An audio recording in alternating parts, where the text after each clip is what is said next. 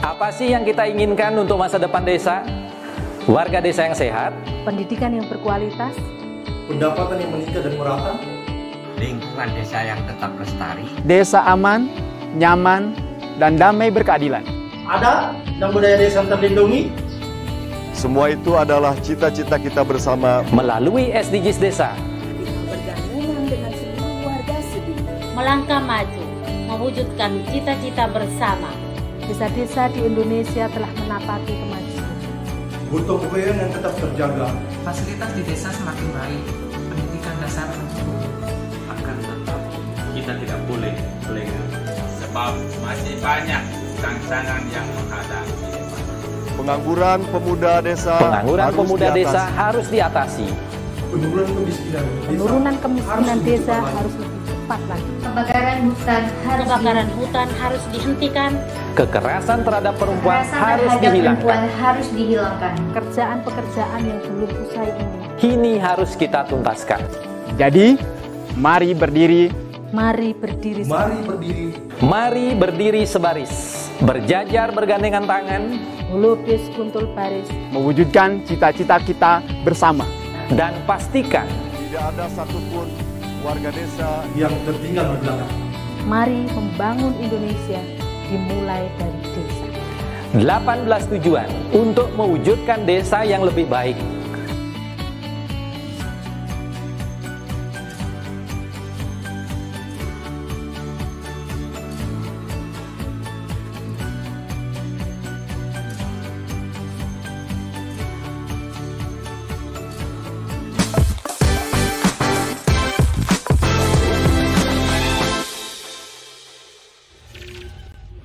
Salam berdiri sebaris, Solo Base Control Paris.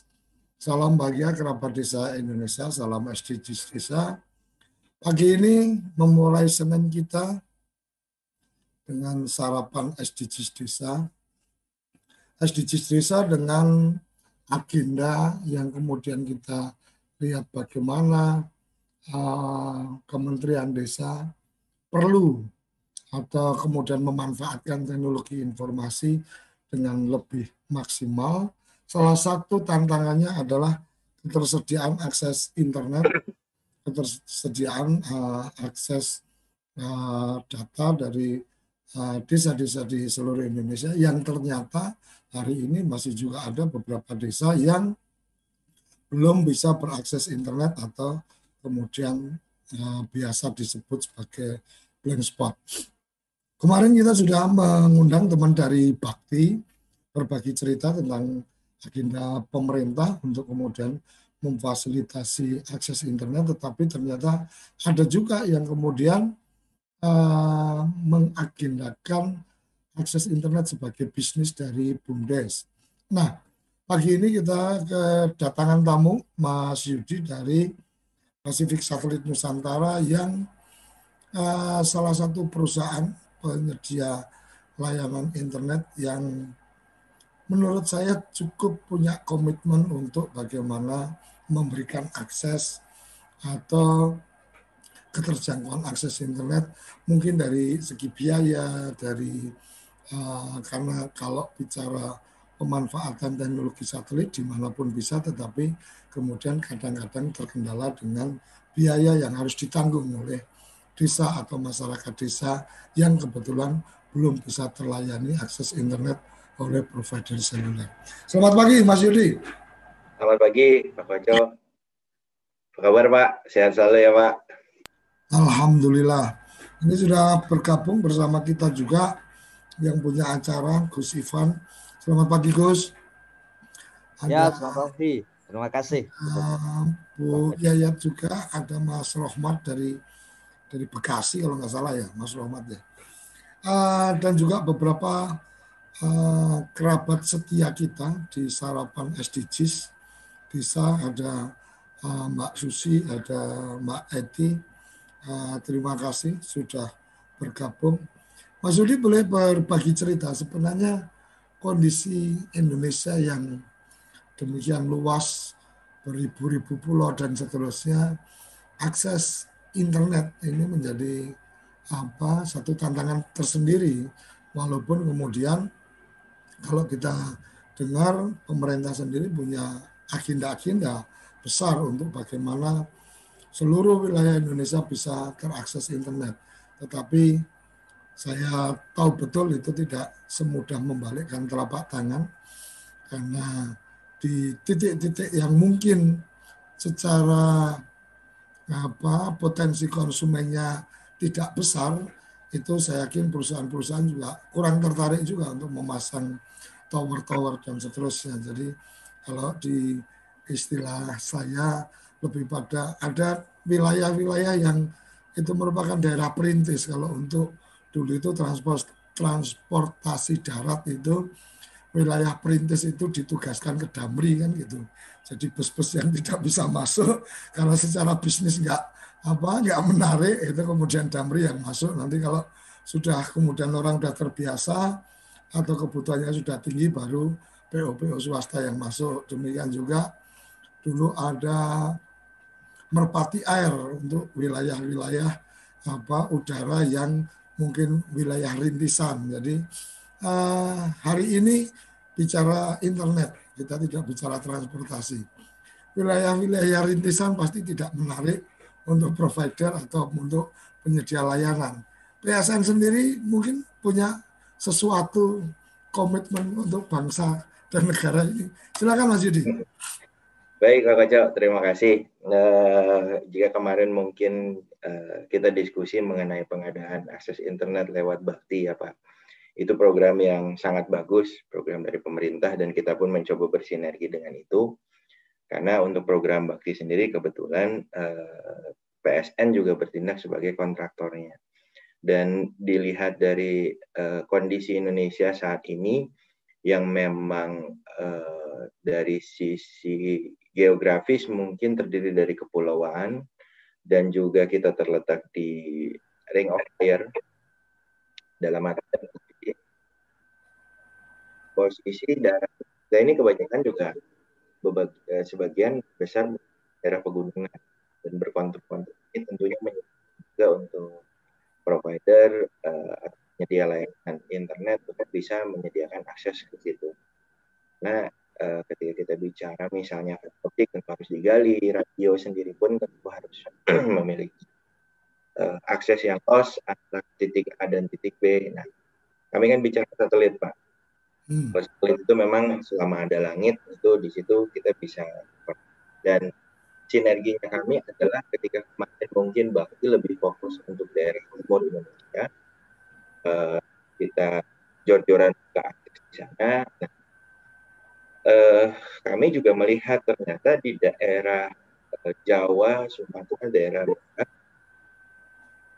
itu juga ada beberapa potensi daerah yang memang masih memiliki kesulitan akses.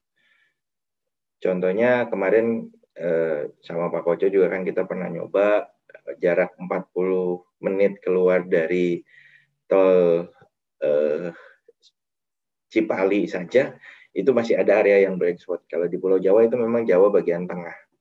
Karena itu daerah daerah pegunungan ya. Maksudnya tengahnya itu antara utara dan selatan. Nah, itu daerah-daerah pegunungan yang memang masih memiliki kesulitan akses. Nah, oleh karena itu kemarin juga kami eh, dari manajemen PSN juga mencoba akhirnya ketika kita bicara penetrasi atau area-area yang di area daerah Sumatera, Jawa sampai Nusa Tenggara ini eh, ketika misalnya Bakti juga tidak eh, concern di situ karena dianggap jaringan sudah lumayan baik dibanding dengan area timur Indonesia, maka kami kemarin mencoba sebuah terobosan eh, dengan bandwidth eh, dan layanan internet satelit seharga layanan seluler Pak Mojo. Itu mungkin komitmen kami untuk menghadirkan akses internet yang merata bagi seluruh masyarakat Indonesia. Itu mungkin Pak Ojo.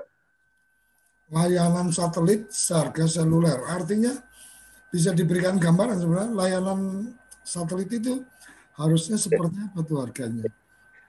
Kalau layanan satelit sebetulnya kan kalau kita bicara harga ya pokoknya itu kan bukan teknologi yang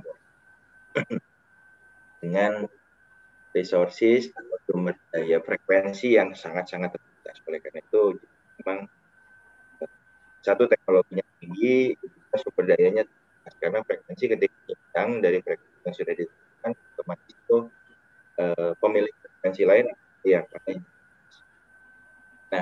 biasanya untuk layanan-layanan uh, korporasi ke perusahaan-perusahaan ya kita bicara layanan yang itu uh, berasal per megahertz tapi kan sudah jelas ketika kita main itu sudah kita uh, mungkin sulit dijangkau oleh masyarakat. Sedangkan uh, dreamnya founder kami adalah bagaimana internet satelit ini juga bisa diikuti oleh masyarakat nah, Indonesia. Masih satelit idealisme mungkin kurang lebih sama dengan Habibie. Pak Habibie menganggap Indonesia perlu pesawat dan kuantiti daerah yang berbentur-bentur, berbukit-bukit, berpulau-pulau founder PS pun sama. Dia berharap, beliau berharap satelit itu bisa membuat internet untuk seluruh masyarakat Indonesia. Tapi sekarang ketika kita bicara Yud audionya kayaknya putus-putus sinyal atau gimana nih? Uh, dari saya sih lancar pak. Oke, okay, ya, silakan. Jadi kalau misalnya uh, founder kami itu Mas, kami dari PSN mungkin tetap bertahan dengan harga existing saat ini itu sudah jelas akan sulit dijangkau oleh masyarakat. Hmm. Oleh karena itu kami kemarin juga uh, ini juga baru baru kita uh, luncurkan di awal Maret kemarin.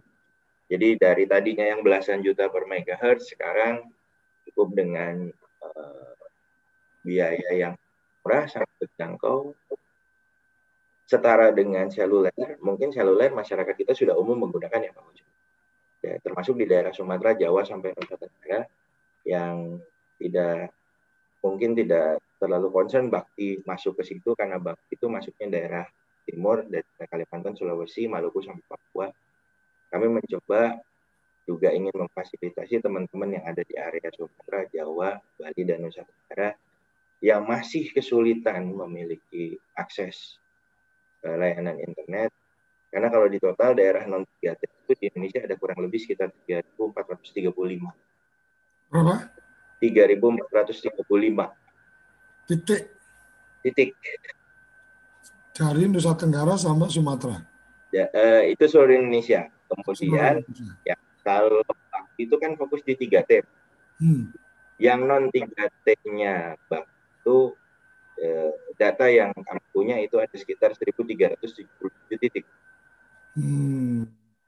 Nah, titik itu artinya kawa apa areal eh, desa atau areal luasan seperti apa? Uh, ya rata-rata uh, desa dan kelurahan di kita bicara. Jadi oh, sekitar seribu sekian desa ya. kelurahan di wilayah Nusa Tenggara sampai Sumatera itu masih uh, punya wilayah-wilayah yang blank area atau blank spot. Ya, hmm. tidak terjangkau oleh layanan seluler, tidak juga terjangkau oleh fiber optik, tidak juga terjangkau oleh layanan radio. Walaupun ini juga saya kaget ya, Ketika kemarin kita terjun ke lapangan ternyata, uh, di Jawa saja masih banyak daerah-daerah yang memiliki kesulitan akses internet. Hmm. Itu yang mungkin yang jadi semangat. Ayo kita maju bersama. Eh, kita uh, coba bersinergi untuk memberikan layanan digital agar semua bisa koneksi, semua bisa menikmati uh, era digital yang bisa membuka peluang dan kesempatan bagi siapa saja untuk berkarya, bergerak, dan mudah-mudahan kita juga bisa jadi tuan rumah di negeri sendiri. Artinya PSN mencoba masuk di wilayah yang dalam tanda petik itu bukan target dari bakti karena bakti mungkin 3T kemudian uh, sementara yang di luar uh, di luar 3T pun sebenarnya masih cukup banyak titik-titik yang kemudian perlu mendapatkan apa support untuk akses internet. Betul. Oke, berarti memang secara artinya uh, ada komitmen PSN untuk kemudian bagaimana apa mempermudah, mempermurah akses, tetapi kemudian tetap dalam konteks bisnis di mana wilayah-wilayah itu yang tidak dalam apa konteks apa yang sedang dikerjakan bakti kira-kira kayak gitu ya? Ya, harganya juga sangat-sangat terjangkau. Hanya kurang lebih ya di angka 10.000 per giga kuotanya. 10.000 per giga. Per giga. Iya. Hmm. Kalau kita bicara satelit tadi uh, akses dedicated itu memang satu satu Mbps itu belasan bisa sampai puluhan juta Pak Hmm. Ini kami buat paket yang retail memang berbeda perhitungannya. Kita menggunakan sama halnya seperti seluler buat ini, uh, program program ini kamu agendakan sebagai program untuk apa? Artinya pribadi orang per orang rumah-rumah atau mungkin diarah kepada keperluan kantor-kantor layanan dan seterusnya? Ini terbuka untuk siapa pun oh. kan uh, tujuan kami juga, kita harus realistis ketika kita bicara Jawa Sumatera Bali Nusa Tenggara itu akses akses akses di areanya mungkin sebagian besar sudah tercover oleh layanan internet sehingga e, mau tidak mau secara harga juga kita harus bersaing dengan itu. Walaupun mungkin bikin sedikit sakit kepala karena teknologi yang digunakan adalah teknologi satelit, tapi alhamdulillah kami berhasil meramu e, harga yang mungkin dibilang sangat dilempar karena tadi komitmen kami adalah kami ingin bisa melayani masyarakat Indonesia untuk memberikan akses internet yang merata dan siapa pun.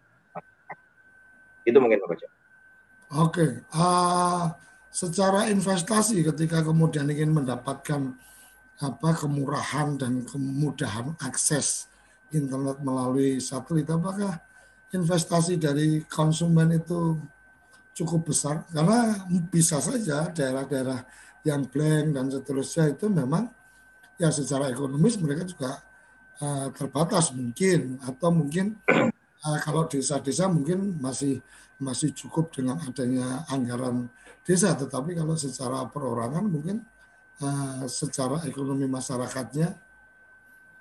Baik jadi ketika kita bicara daerah-daerah yang support otomatis memang harus ada infrastruktur yang dibangun hmm. kita bicara fiber optik dengan Eh, koneksi terakhirnya menggunakan radio karena misalnya areanya sulit terjangkau, minimalnya harus bangun tower dan harus beli angkat radio.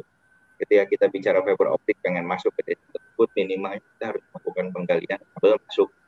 Begitu juga ketika pelayanan seluler pengen masuk, berarti harus ada operator bangun tower di situ dan usernya juga membeli perangkat. Uh, bisa handphone, bisa tablet, bisa Nah, ketika kita bicara infrastruktur, tentunya yang harus dibeli adalah perangkat parabola berikutnya. Kalau dilihat dari harga eh, relatif Pak Ojo bisa kalau untuk kalau sampai misalnya membangun tower sendiri itu kan kurang lebih ya pengalaman kami dan sepengetahuan kami 20-30 juta.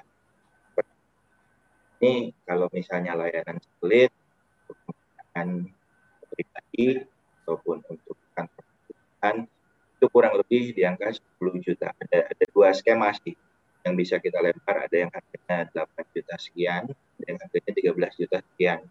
Tapi kalau misalnya memang sangat-sangat diperlukan, balik lagi kami punya komitmen ingin membangun Indonesia karena PS ini satu-satunya badan usaha eh, milik uh, dalam negeri yang memiliki satelit dan fokus di bisnis satelit. Oleh karena itu kami juga sebagai anak bangsa ingin mencoba memfasilitasi eh, masyarakat Indonesia merdeka akses internet sehingga bisa mendapatkan pelayanan digital. Oleh karena itu ketika ada potensi-potensi yang relatif besar mungkin nanti untuk skema eh, pengadaan asetnya bisa kita diskusi lebih.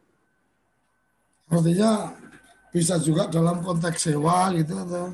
Bisa, dalam konteks sewa juga bisa. Tapi nanti juga kami tentunya karena ini bicara bisnis harus ada asesmen agar eh, kami juga mengamankan eh, perusahaan kami dalam artian ketika misalnya eh, semangat ini kami jaga karena kalau misalnya eh, perusahaan kami sehat otomatis juga kami bisa melayani masyarakat. Oke. Ada gini langit ini Mbak Parti menanyakan apakah pelayanan PSN menyediakan internet yang dimaksud itu pemasangan jaringan WiFi. Ini Mbak Parti menanyakan itu. Gimana Mas Arif apa Mas Yuda uh, Yudi bisa me, memberikan gambarannya? Oke, okay. uh, kalau untuk layanannya adalah jadi uh, mungkin secara garis besar Pak saya sampaikan dulu internet itu nanti dimasukkan di, dipasangnya di kantor stasiun bumi kemudian ditembakkan melalui antena parabola satelit diterima oleh parabola yang ada di ruangan. Nah, kemudian masuk ke modem, keluar dari modem itu ada dua layanan yang dinikmati oleh dua tipe koneksi yang bisa dinikmati oleh pengguna. Satu mungkin pakai kabel RJ4 atau untuk mudah juga sudah menyiapkan dalam perangkat sepakat dengan uh, router WiFi sehingga pengguna nanti hanya tinggal connect ke WiFi itu sudah mati layanan internet dengan harga yang menurut saya sih fantastis. Kayaknya belum ada pemain satelit lain yang berani di harga segitu. Oke, jadi Mbak Parti perlu saya membantu menambahkan penjelasan. Jadi di PSN ini layanan internetnya adalah menggunakan parabola kemudian mengarah ke satelit, kemudian ada perangkat apa uh, di apa yang apa yang terkoneksi dengan parabola yang dipasang di tempat untuk menerima akses internet itu. Nah dari perangkat ini, dari modem ini akan ada dua, satu bisa terkoneksi menggunakan kabel ke perangkat komputer bisa mungkin atau mungkin ke laptop dan seterusnya. Bisa juga kemudian dari perangkat itu me, apa, memancarkan apa uh, wifi sehingga bisa diakses uh, teman-teman di perangkat-perangkat itu. Nah, sebelum ke apa? Sebelum ke Gus Ivan ini, uh, ketika kemudian ada paket ini, apakah kemudian memungkinkan pola ini itu kemudian dari apa penyedia apa yang sudah berlangganan ini kemudian mendistribusikan wifi itu dalam konteks jualan paket. Artinya saya pernah ada di satu hotel di Kupang waktu itu kalau nggak salah. Eh, ketika di kamar kita tidak bisa berakses internet secara free, tetapi kalau di apa uh, lobby atau di tempat apa resto kita bisa akses internet. Begitu masuk di kamar maka kita harus beli apa uh, kartu voucher senilai tertentu yang kemudian uh, kode voucher itu dimasukkan dari kamar kita bisa berakses internet. Apakah ketika kemudian uh, menggunakan layanan yang tadi Yudi sampaikan dari PSN itu, itu kemudian bisa juga menjadi agenda bisnis semacam itu? Bisa Pak, kami juga punya produk yang memang untuk digunakan uh, untuk usaha kembali Hmm. Dan kami juga sudah punya skemanya bagaimana bagiannya ada operator, skema keuntungannya di mana agar bisa sustain ya bisnisnya, agar bisa terus berjalan. Uh, kalau misalnya memang diperlukan boleh nanti hubungi kami atau ke teman-teman TV Desa nanti TV eh, teman-teman TV Desa menghubungi kami atau mungkin bisa lewat ke web ya www.desawifi.id itu nanti tinggal uh, masukkan ala, nama, alamat dan nomor yang bisa dihubungi nanti kita bisa diskusi lebih. Tapi pada berikutnya eh, itu sudah berjalan dan banyak sekali di luar sana. Kami sudah menyebar kurang lebih sekitar 8.000 titik, Pak, pengguna hmm. yang sudah berjalan saat ini baik untuk dijual kembali ataupun yang untuk pakai uh, administrasi perkantoran untuk digunakan pribadi itu juga macam Pak. Oke. Oke, terima kasih Yud untuk mendapatkan gambaran. Jadi ini sesuatu yang menurut apa menurut saya menjadi menarik. Kenapa? Karena ketika kita bicara SDGs desa, ketika kita bicara kerjasama, ketika kita bicara bagaimana pemberdayaan ekonomi dan seterusnya, hari ini suka atau tidak suka, eh, akses digital, akses internet itu menjadi penting dan Eh, kita perlu melihat bahwa akses internet ini tidak harus dalam konteks sebagai biaya, tetapi ini adalah bagian dari investasi. Kenapa? Karena dengan uh, adanya akses internet, maka semakin lebih terbuka peluang-peluang apa uh, bisnis atau peluang-peluang apa usaha masyarakat untuk lebih tersebar luas kepada apa publik melalui akses internet. Gus Ivan, uh, mendengar yang disampaikan Yudi ini kayaknya menarik juga ketika kita bicara pentaholik seperti yang disampaikan oleh Gus Menteri ada pemerintah, ada kampus, ada dunia usaha juga, ada media, ada masyarakat dan seterusnya. Maka ketika ada bagian apa dunia usaha yang kemudian apa bisa memberikan kemanfaatan atau melakukan kolaborasi ini menurut saya akan menjadi bagian yang menarik untuk percepatan apa pembangunan di desa-desa. Silakan Gus Ivan. Terima kasih Gus Koco. Uh, ketemu nih Pak Yudi. Iya, Pak Ivan. Sama ini cuman tahu dari ini menjelang tengah tujuh dari sarapan SDG desa. ya, berkat ini nih silaturahmi sama Pak Koco nih kita bisa ketemu Pak. Luar biasa di desa nih. Iya, kami di sudah mulai di tahun 2018. Jadi Kementerian Desa itu sudah mulai mencari-cari berbagai strategi untuk memasukkan internet ke desa dari 2018. Ya. Mengapa seperti itu?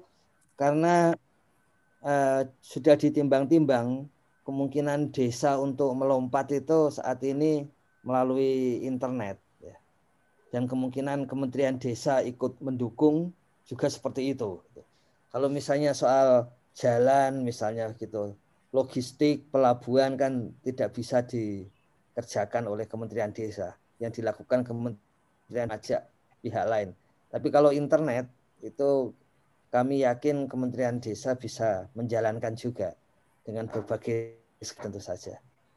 Nah karena itu memang Eh, di saat itu sudah mendapatkan beberapa peluang untuk melakukan apa namanya internet ke desa-desa sampai ke pelosok sampai ke desa-desa perbatasan gitu.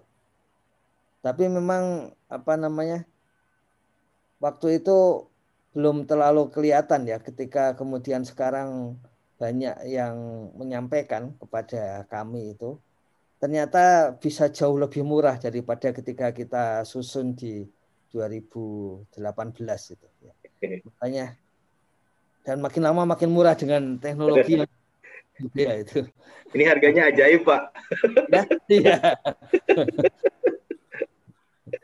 nah, uh, jadi kenapa kita mulai dari internet ya? Karena misalnya contohnya di Papua itu, membangun jalan tentu saja lebih sulit daripada kita membangun tower internet di desa-desa di Papua. Dana desa di Papua misalnya contohnya itu sudah mendekati dana otsus sebetulnya. Kalau otsus sekarang kan dibagi dua ya menjadi infrastruktur sama yang otsus yang biasa itu. Nah otsus yang biasa itu dengan dana desa itu sudah hampir sama gitu. Artinya peluang desa-desa di Papua untuk segera maju melalui internet ya itu sebetulnya ya bisa tinggi gitu. Nah itu kita akan mulai seperti yang Gus Koco lakukan, mulai dengan pendidikan gitu.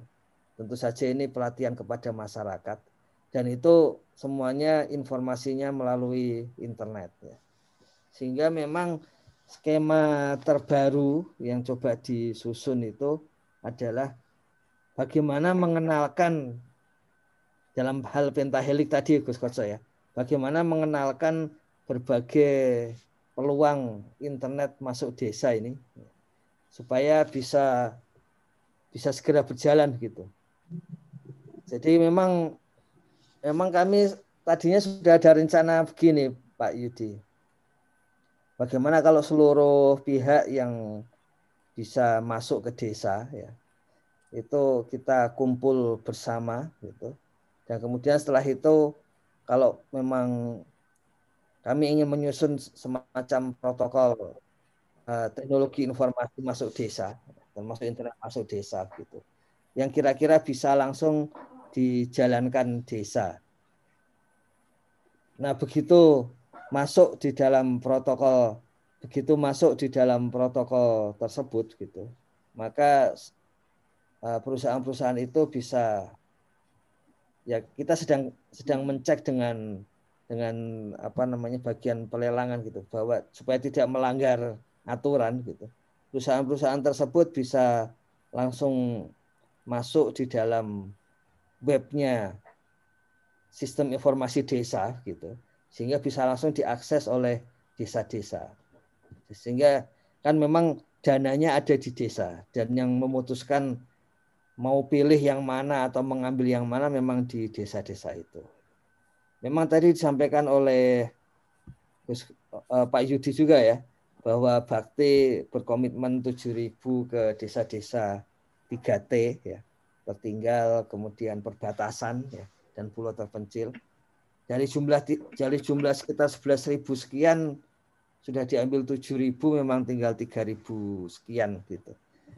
Tapi itu kalau bisa tanpa bakti tapi bisa langsung desa berinisiatif untuk uh, mencari internet menurut kami sih lebih bagus begitu supaya lebih cepat maksudnya sih kemudian apa namanya ada juga skema namanya smart village ya kalau smart village ini memang memberikan dari paket internet sampai software ke desa ya.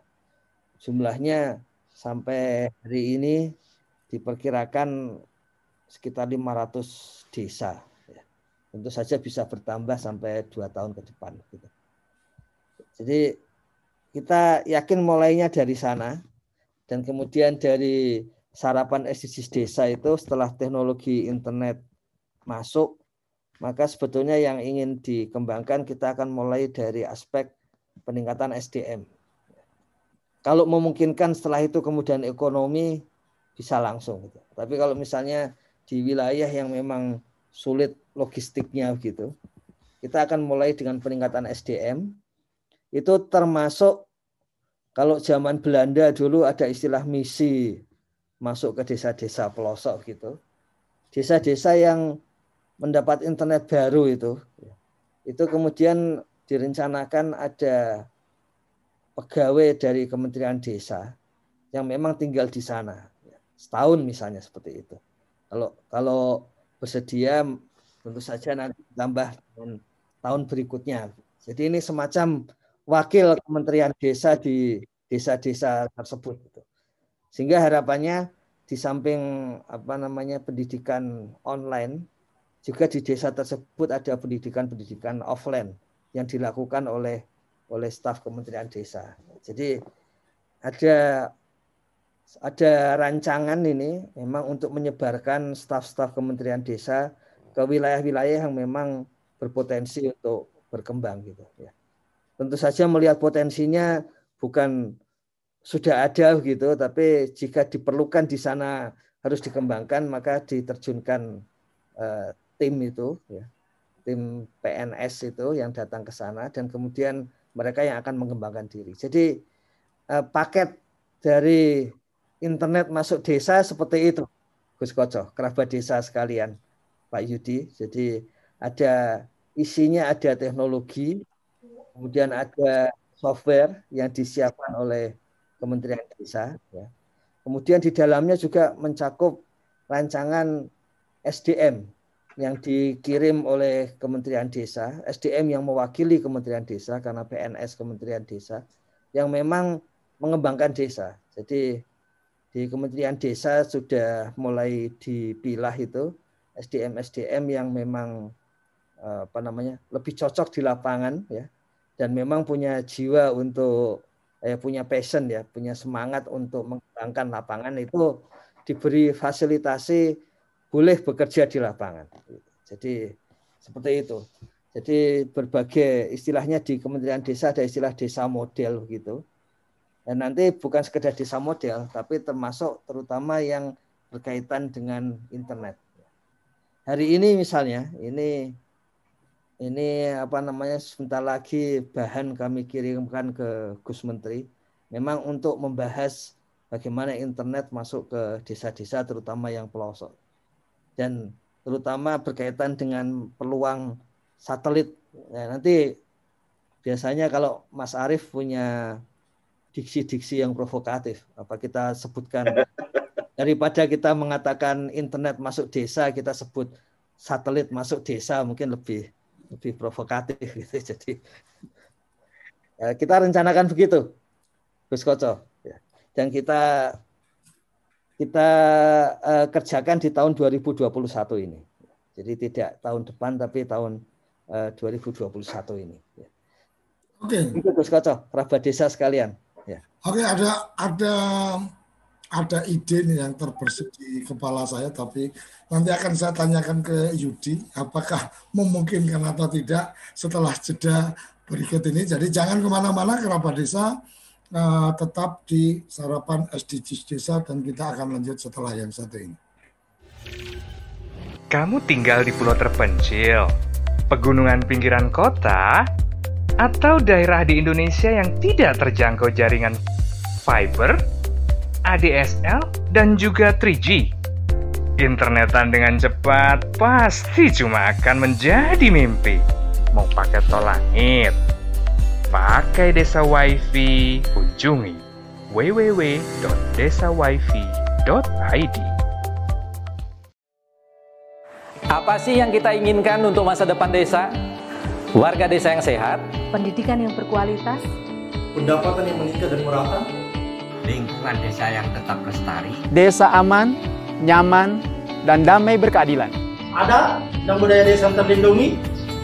Semua itu adalah cita-cita kita bersama melalui SDGs desa.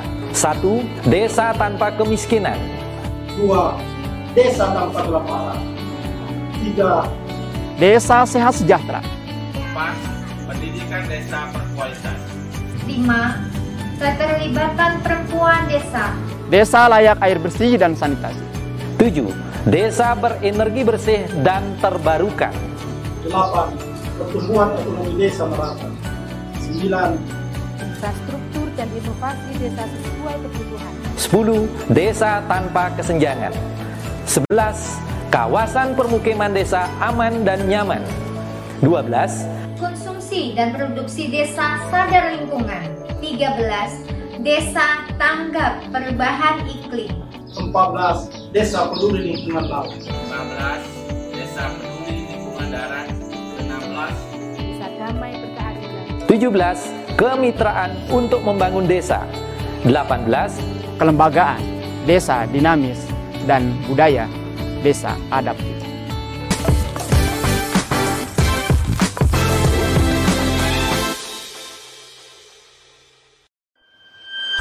Halo Desa. Kini telah hadir tontonan dan tuntunan untuk desa-desa Indonesia. Desa Vision. Desa Vision memberikan pilihan tayangan edukasi dan inspirasi untuk desa, untuk warga desa, untuk penggiat usaha dan pemberdayaan desa. Desa Vision dikembangkan oleh TV Desa yang telah mendedikasikan diri mengembangkan program siaran desa dan pedesaan sejak tahun 2014. Dengan Desa Vision, kerabat desa dapat menyaksikan tayangan pilihan tanpa bayar iuran bulanan selamanya. Desa Vision persembahan TV Desa bersama SMV Prisat TV.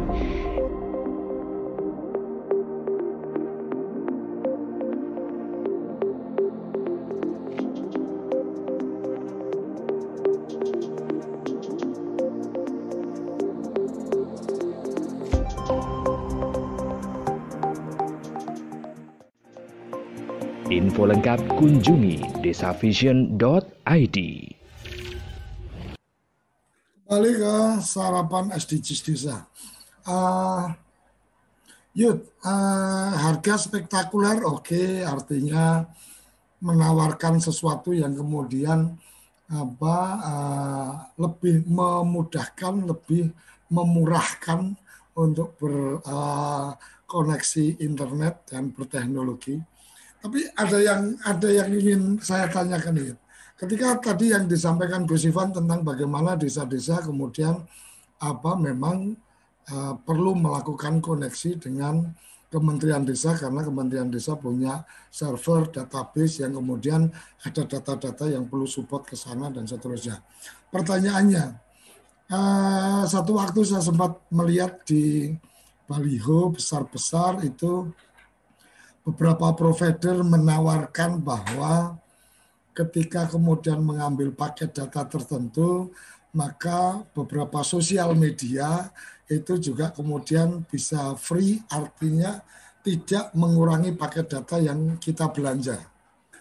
Apakah PSN memungkinkan ketika kemudian apa uh, uh, berlangganan di PSN kemudian untuk mengakses data atau uh, mungkin bukan tidak mesti dalam konteks mengakses data membuka terus-terusan, tetapi ketika melakukan support atau update data yang ada di Kementerian Desa, maka itu tidak mengurangi uh, kuota yang dia beli. Apakah ini memungkinkan? Kalau ini kalau ini memungkinkan akan sangat menarik. Ini Gus Iwan sudah langsung senyum-senyum ini.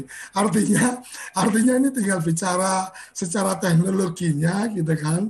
Tim IT-nya PSN ketemu sama tim IT-nya Kemenda, apa Kemendes kemudian oh bagian-bagian ini kemudian apa ini kan orang-orang IT yang paham dengan source code tertentu, maka kemudian ketika diakses menggunakan layanan dari BSN, maka inputting data dan seterusnya tidak akan mengurangi paket data yang dia sudah belanja. Kira-kira memungkinkan nggak ya? Uh, secara teknologi sebetulnya memungkinkan saja Pak Hojo. Hanya hmm. saja memang uh, perlu diskusi lebih lanjut, lebih jauh uh, seberapa hmm. kita bisa coba provide itu dan tentunya juga kita bicara size ya Pak Koco. Hmm. Kami size-nya signifikan, uh, mungkin bisa kita coba diskusi lebih lanjut. Walaupun pada prinsipnya data yang um, apa di kita sebarkan akses internet yang kita sebarkan melalui platform satelit tadi memiliki keterbatasan keterbatasan tapi kita lah kita coba diskusikan tadi uh, izin menanggapi dari Pak Ivan bahwa memang Pak kami itu sekarang agak sedikit kesulitan uh, untuk masuk ke teman-teman desa jika harus menggunakan uh, penyediaan platform penyediaan barang dan jasa milik pemerintah saat ini yang sudah ada, Pak. Karena yang ditulis di sana itu paket-paket internet yang dedicated. Sedangkan yang lebih murah, lebih jangkau itu yang kuota base atau yang broadband. Itu tidak diperkenankan masuk, Pak. Jadi mudah-mudahan dengan ketemu dengan Bapak sekarang kita bisa fasilitasi bareng-bareng dan bisa bersinergi karena kemarin juga saya ketemu dengan teman-teman dari misalnya dari Dukcapil, ternyata kantor desa itu sekarang sudah bisa memberikan pelayanan cetak kartu keluarga sendiri, cetak EKTP sendiri dengan uh, halo? Ya, ya. Ya, uh, dengan ini apa? Dukcapil anjungan Dukcapil mandiri ya. Itu juga memerlukan akses internet. Kemarin teman-teman Dukcapil juga tanya ke kita desa mana saja yang kita pakai. Kita juga akan kolaborasi itu Pak agar nanti masyarakat di desa juga bisa terlayani dengan baik, nggak perlu jauh-jauh ke kota untuk mengurus pekerjaan di desa. Intinya, ayo Pak kita sinergi PSN siap kalau ada di eh, samping Mendes untuk bagaimana caranya sama-sama melayani masyarakat. Oke. Oke, jadi uh, ini ini menarik menurut saya ketika kolaborasi itu mesti dicari titik-titiknya di mana yang kemudian bisa memberikan kemanfaatan para pihak. Karena saya yakin apa Gus Ivan dengan apa pusdatinya ini kan butuh banyak data nih. Artinya butuh apa aktivitas teman-teman melakukan akses data dan seterusnya. Apabila memang kemudian ada bagian-bagian tertentu oke okay, kalau sekedar berkirim kemudian apa melalui kit tertentu maka uh, menggunakan layanan apa PSN maka siapa apa desa mana pun yang menggunakan layanan itu mengirim data itu tidak kemudian akan mengurangi kuota dan seterusnya. Mungkin ini bisa menjadi uh, kemanfaatan untuk apa Pusdatin atau Kementerian Desa. Sisi yang lain juga menjadi daya tarik untuk kemudian apa uh, pemasaran produk daripada PSM. Uh, kira-kira seperti itu. Ada yang ingin disampaikan teman-teman uh, yang lain atau Gus Ivan akan memberikan respon lebih dulu? Sebelum ini ada pertanyaan juga dari Mas Arif, silakan. Iya, terima kasih kerabat desa Mas Yudi. Jadi memang mencari model yang tidak menyalahi aturan ini yang sedang digali karena eh, ya memang peluangnya mempercepat terutama desa-desa yang sangat tertinggal dan tertinggal saat ini itu memang saat ini peluangnya melalui internet kemudian langsung terjun langsung ke desa gitu. Ya, Jadi kalau pakai bahasanya Gus Menteri kita apa namanya mami ini main mikro ini. Jadi memang langsung terjun ke desa dan berbagai skema sumber daya manusia itu sudah disiapkan gitu untuk segera dijalankan. Nah teknologinya ini juga sudah siap sebetulnya, tapi memang soal eh, apa namanya tender dan sebagainya, terutama untuk desa ini apa, eh, memang sangat apa ya belum pernah terpikir mungkin sehingga memang perlu sekali waktu eh, Gus Menteri sendiri yang langsung mewakili desa-desa untuk membutuhkan itu. Nah mungkin yang tadi Mas Yudi kami catat ini Mas tentang ya. bagaimana supaya desa bisa mengakses seperti itu apa namanya kesulitan karena harus jenis yang masuk itu ya. Eh, kami segera diskusikan ini hari ini dengan tim apa ya istilahnya ya. Kalau di Kementerian Desa ada yang tim yang bagian tender ini. Supaya apa namanya segera bisa dijalankan. Kalau kalau Gus Menteri kan nanti kalau begitu kita beritahu khawatirnya langsung telepon kepala LKPP ini supaya itu kan. Tapi harus punya dasar dulu ini. Apa saja yang dibutuhkan supaya bisa masuk ke dalam termasuk apa namanya Eh, program-program televisi yang bisa langsung masuk ke desa itu memang uh, sedang dipikirkan lebih lanjut supaya desa punya ini kan persoalannya desa sudah punya dana tapi kalau dia salah menggunakan tahun depan bisa diciduk itu dan dan apa diciduknya itu enggak main-main. Ini sudah ada desa yang melapor misalnya. Kita sepakat dengan kepolisian dan kejaksaan itu kalau sampai eh, tuduhannya itu sangkaannya itu korupsi itu masih ada waktu 60 hari untuk mengembalikan. Meskipun belum tentu kadesnya salah ya tapi begitu sudah masuk sebagai itu tapi kan 60 hari kalau harus mengembalikan ratusan juta kan misalnya kalau program kita dianggap menyalahi aturan ya 60 hari ya sulit juga bagi kades-kades di daerah terpencil gitu. Jadi memang belajar dari sana jadi harus hati-hati di saat ini. Itu Gus Koco. Tapi oh. sih, target kami minggu ini selesai urusan administrasi ini karena ini sudah Maret itu biar segera jalan gitu. Itu Gus Koco kerabat desa. Oke, jangan sampai serapan anggarannya tidak terpenuhi di akhir tahun. Jadi Iya benar, benar, benar. Oke, sebelum ke Prof Yayan, uh, Bu Agnes mungkin ada yang ingin disampaikan, ada teman-teman yang lain silakan. Bu Agnes, monggo. aja, Pak Pak Koco. Ya. Uh, kebutuhan untuk apa suplai data dari desa itu kan bukan hanya eh, Kementerian Pendidikan dan Kebudayaan itu butuh sekali. Jadi hmm. untuk daerah-daerah seperti eh, apa itu namanya Papua itu Papua Papua Barat itu suplai data dari sekolah ke kementerian itu cuma 30 persen hmm. karena kasus karena keterbatasan internet itu gitu hmm. itu itu dari sisi itu ya dari sisi suplai data ya. Karena mereka kan harus ngisi dapodik dan seterusnya gitu-gitu. Itu cuma 30 persen. Dan mereka rasanya kayak give up gitu. Hmm. nggak tahu lagi gimana caranya karena memang nggak ada aksesnya. Yang kedua adalah uh, kemarin itu policy tentang eh, BDR ya belajar dari rumah itu. Hmm. itu kan juga sangat menyulitkan. Akhirnya kan mereka menggunakan uh, yang itu yang bukan offline tapi apa itu namanya yang pakai WA pakai pokoknya nggak jelas gitu loh itu kan sama dengan mandek anunya apa namanya pembelajarannya. Pembelajarannya. Iya, pembelajarannya itu betul-betul mandek. Tapi itu itu kan ya saya sih sudah pernah menyampaikan kok di, diratakan gitu loh kebijakan itu. Padahal daerah-daerah itu mungkin nggak masalah gitu. Tapi kan karena kebijakannya BDR tetap ya akhirnya ya begitulah mandek gitu ya. Nah ini kan butuh keberpihakan ya. Ya. Saya nggak tahu ini apakah dari yang dilakukan oleh Pak Menteri Mendikbud itu kan ngasih pulsa. Nah, tapi kalau ya. pulsanya tidak bisa dibeli terus gimana? Tidak bisa dipakai gitu ya.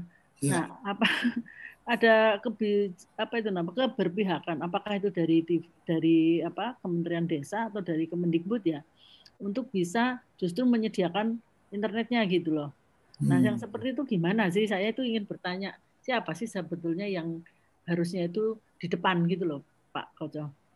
Oke mungkin kalau urusan urusan PAUD sama TK masih urusan desa jadi jadi jadi ada pengalaman untuk urusan apa di pendidikan sebelum nanti apa ke Prof Yayan ya eh, kami juga kemarin itu mencoba roadshow Pak eh, Bu ke sekolah-sekolah dan ada beberapa memang tapi walaupun mungkin skopnya juga nggak bisa masif dan nggak bisa besar ya Bu. Dari kami juga sebetulnya ada kegiatan CSR untuk uh, membangun perangkat yang dapat mengakses layanan internet. Walaupun dari situ mungkin masih tetap harus ada kota yang tinggi. Uh, ada beberapa sekolah mungkin di Indonesia yang kita drop perangkatnya agar bisa menikmati dari akses internet. Tapi memang nah, kalau misalnya ada kasus-kasus seperti itu mungkin bisa di aja bu di desa wifi.id kita juga bisa tindak lanjuti kira-kira mencari solusi terbaiknya seperti apa. Pada prinsipnya sih kami berkomitmen untuk dapat melayani seluruh masyarakat Indonesia seterjangkau mungkin dengan yang sangat produktif agar uh, semua masyarakat Indonesia bisa menikmati akses internet yang baik, Bu. Iya. Jadi bisa. sekarang tuh sifatnya kan tunggu-tungguan ya, Pak. Betul. Mereka tuh meneng, dia diam aja gitu. Lah nggak ada internetnya ya udah diam. Tapi siapa sih seharusnya yang yang berinisiatif di awal gitu ya? yeah. providernya kah atau uh, misalnya pemerintahnya kah atau siapanya gitu ya itu sampai sekarang begitu menunggu. Oke, mungkin salah satu yang kebayang di saya adalah ketika mungkin ada apa infrastruktur yang disiapkan di sekolah, akses internetnya mungkin lebih dalam konteks untuk akses apa uh, mungkin mengakses file-file data dan seterusnya, kemudian di server sekolah disiapkan, kemudian di intranet.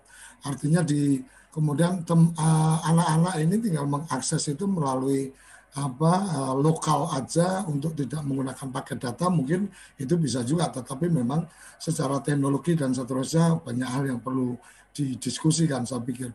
Nah waktu kita uh, cukup terbatas nggak terasa ini ngobrol udah hampir di penghujung. Prof Yayan monggo silakan Prof untuk closing apa statement pagi ini ngobrolin tentang internet, ya. ngobrolin tentang dunia maya tapi bukan mayanya Dani ya, Ahmad. Ya, ya.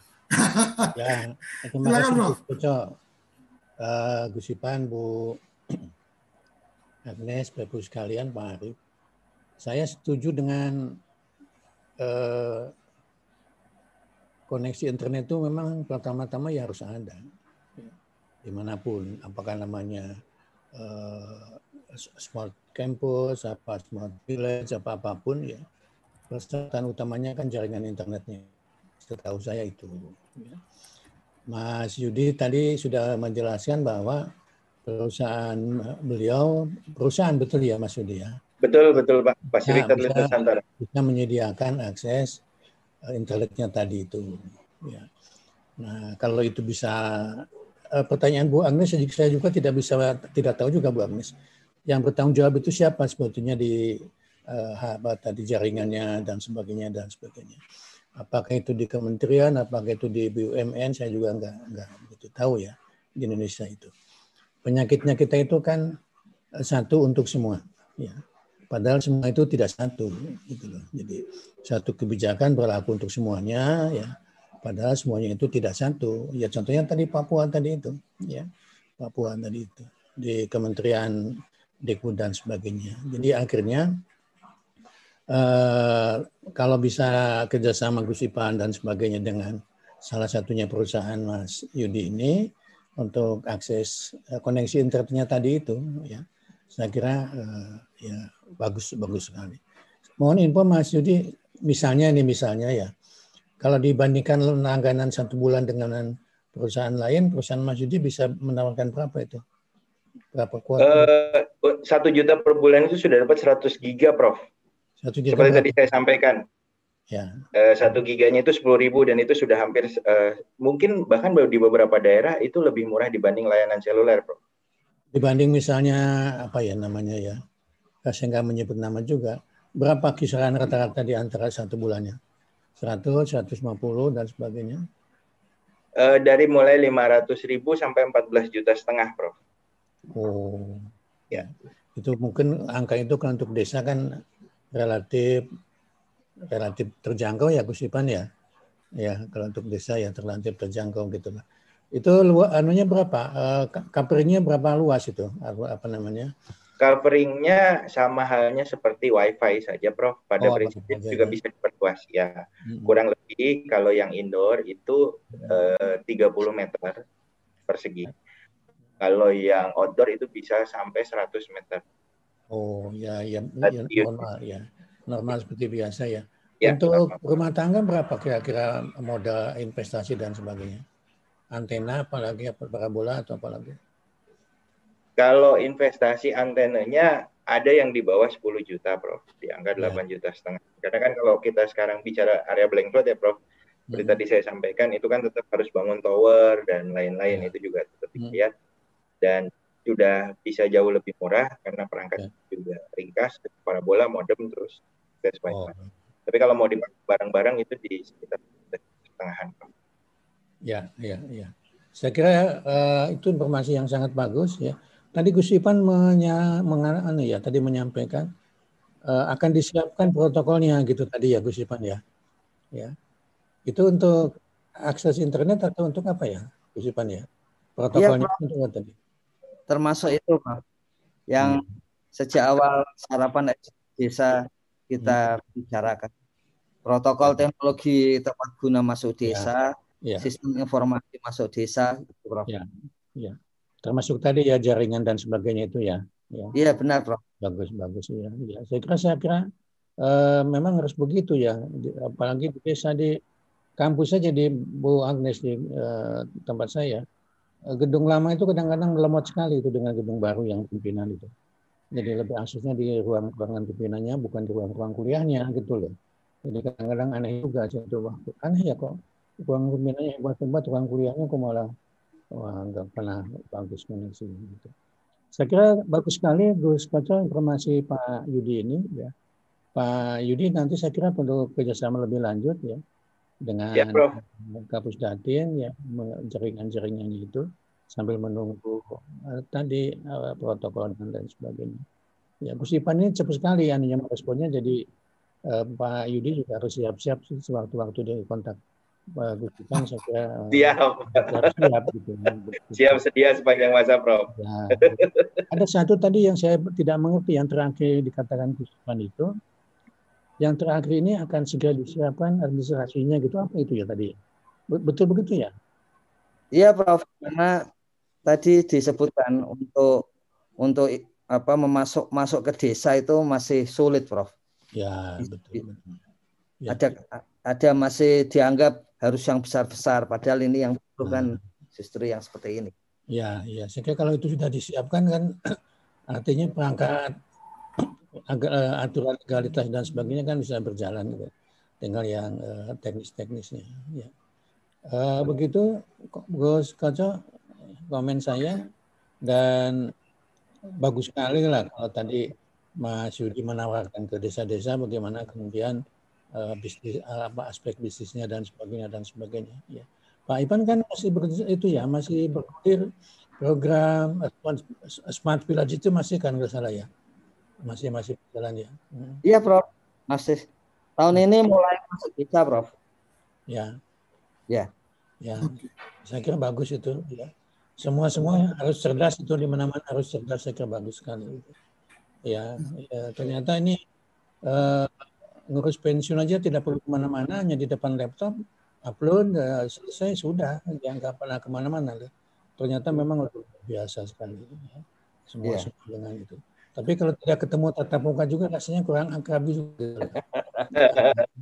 budaya, budaya kita kan budaya anu gitu loh. Budaya apa, tatap muka dan sebagainya dan sebagainya gitu. Kalau terlalu lama tidak pernah ketemu gusipan tatap muka rasanya itu ada sesuatu yang hilang gitu loh. Jadi Ya, ya, ya. Pak, salam Pak Arif. Waduh, matur nuwun Pak Arif kemarin uh, materinya gusipan juga bagus sekali ya. Cuman uh, mohon maaf lah sama-sama pemerintah jadi uh, anunya ya begitu itulah standar-standarnya memang rekodkan. Ya, makasih. Tidak masalah, Pak. terima kasih. Oke. Okay. Bu okay, Agnes, terima kasih. Siap, kita ke Geni Langit, Bu Oke. Okay. Sudah, sudah dijadwalkan, Prof. Oke, okay. Uh, terima kasih luar biasa. Jadi uh, sarapan SDGs desa selalu menampilkan menu-menu yang nikmat selalu menampilkan menu-menu yang lezat untuk kita nikmati. Salah satunya hari ini kita mengundang Mas Yudi untuk bicara tentang bagaimana teknologi itu harus semakin mudah, semakin murah, dan PSN sudah mencoba menawarkan itu tinggal bagaimana kemudian apa ini bisa direspon ditanggap dengan baik oleh kerabat desa Eh, penggiat-penggiat desa, pegiat-pegiat desa, kepala desa, aparatur desa, dan seterusnya. Karena memang apa pun, kalau saya sering menyampaikan ke teman-teman itu, smartphone itu tidak ada artinya ketika tidak di tangan smart people. Nah, smart village mungkin tidak akan berarti ketika people-nya juga nggak smart kan gitu.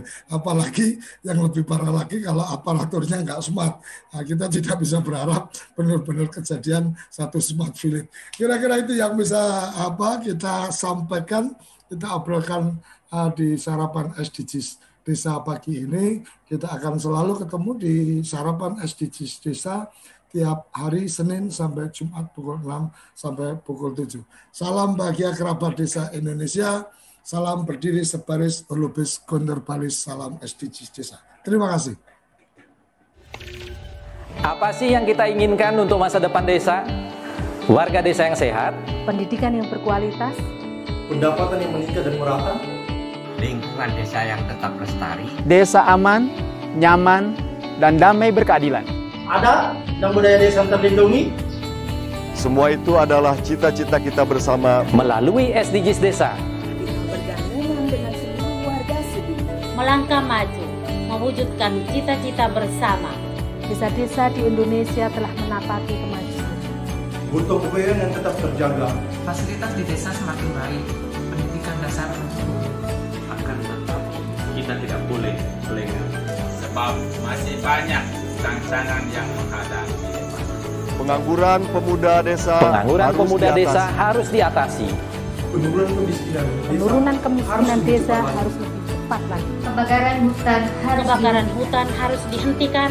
Kekerasan terhadap perempuan Kekerasan harus terhadap dihilangkan. perempuan harus dihilangkan. Pekerjaan-pekerjaan yang belum usai ini. Kini harus kita tuntaskan. Jadi, mari berdiri. Mari berdiri. Mari berdiri. Mari berdiri sebaris, berjajar bergandengan tangan, melukis kuntul baris, mewujudkan cita-cita kita bersama. Dan pastikan tidak ada satupun warga desa yang tertinggal di belakang. Mari membangun Indonesia dimulai dari desa. 18 tujuan untuk mewujudkan desa yang lebih baik